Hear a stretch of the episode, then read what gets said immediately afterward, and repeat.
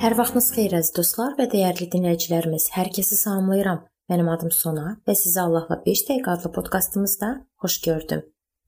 Bu gün biz uşaqlara məziyyəti necə öyrətmək olar mövzusunu araşdırmağa davam edirik və gəlin çalışqanlıq barədə də danışaq. Hər bir uşaq çalışqan olmağa həvəsləndirilməlidir.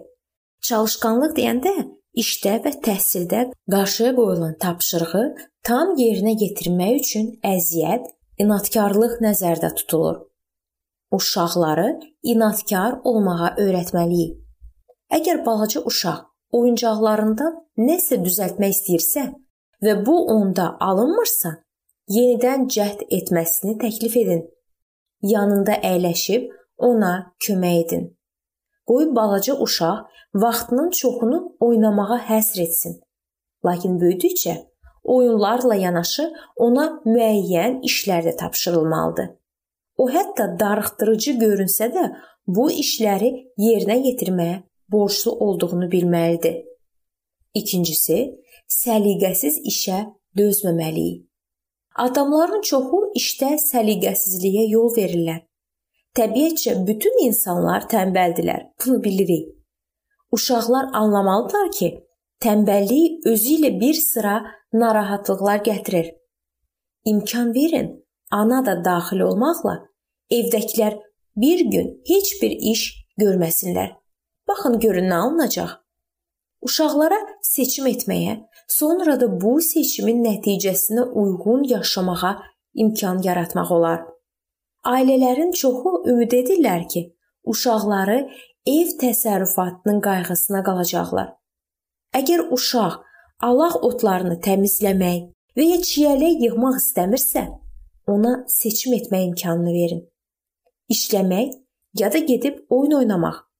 Amma bu zaman diqqətinə çatdırın ki, ailə şam yeməyinə əyləşəndə ona yemək verilməyəcək. Çünki əlini ağdan qaraya vurmayıb. Seçim onundur və belə yanaşma müqəddəs kitabla təsdiqlənir. Bunu 2-ci Saloniklərə 3 onda tapa bilərsiniz. Növbəti tapşırığı yerinə yetirmək üçün vaxt qoymalıyıq. Gecikdiriləndə isə mükafatdan məhrum etməliyik. Bəzən uşaqlar boş yerə vaxt itirməklə tapşırığı ləng yerinə yetirməyə meylli olurlar. Cəmi 10 dəqiqəlik işə 1 saat vaxt sərf edirlər. Belə olan halda problemin həlli üçün müəyyən vaxt məhdudiyyəti tətbiq etmək lazımdır. Uşaq qarşıya qoyulan tapşırığı vaxtında yerinə yetirməyəndə isə cəzalandırmaq və ya mükafatdan məhrum etmək məqsədə uyğundur. Uşaqlara çalışqanlığın tənbəllikdən daha zövq verici olduğunu anlamaqda kömək edin. Uşaqlara tapşırılan işi səylə yerinə yetirməyi öyrədin. Belə ki, işi görüb qurtarandan sonra onlar istədikləri işlə məşğul ola bilərlər. Uşaqların çoxu valideynlərinə kömək etməyi sevir. Onların evə süpürgə çəkməkdən, döşəməni silməkdən xoşları gəlir. Masaya yemək düzməkdən və qab-qaşığı yuyub qurutmaqdan zövq alırlar. Əgər uşaqların sizə kömək etməsinə icazə versəniz, vaxt çox aparsa da faydasını görəcəksiniz. Lakin vaxt keçir, bu işdən bezir, daha əvvəlki tək həvəslə qoşulmurlar.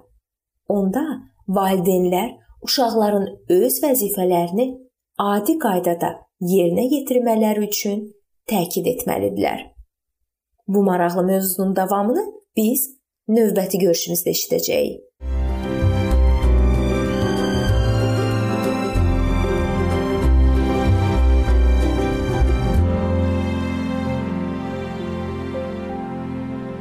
Beləliklə, əziz dostlar, bu yerdə bu mövzu sona çatdı. Hər zaman olduğu kimi sizi dəvət edirəm ki, bizim podkastlarımızı Facebook səhifəmizdən və YouTube kanalımızdan dinləməyə davam eləyəsiniz. Əgər hər hansı bir sualınız varsa, bizə müraciət etməkdən çəkinməyin. İndi isə mən sizinlə sağollaşıram və növbəti görüşlərdə görməyi ümidi ilə sağ olun, salamat qalın.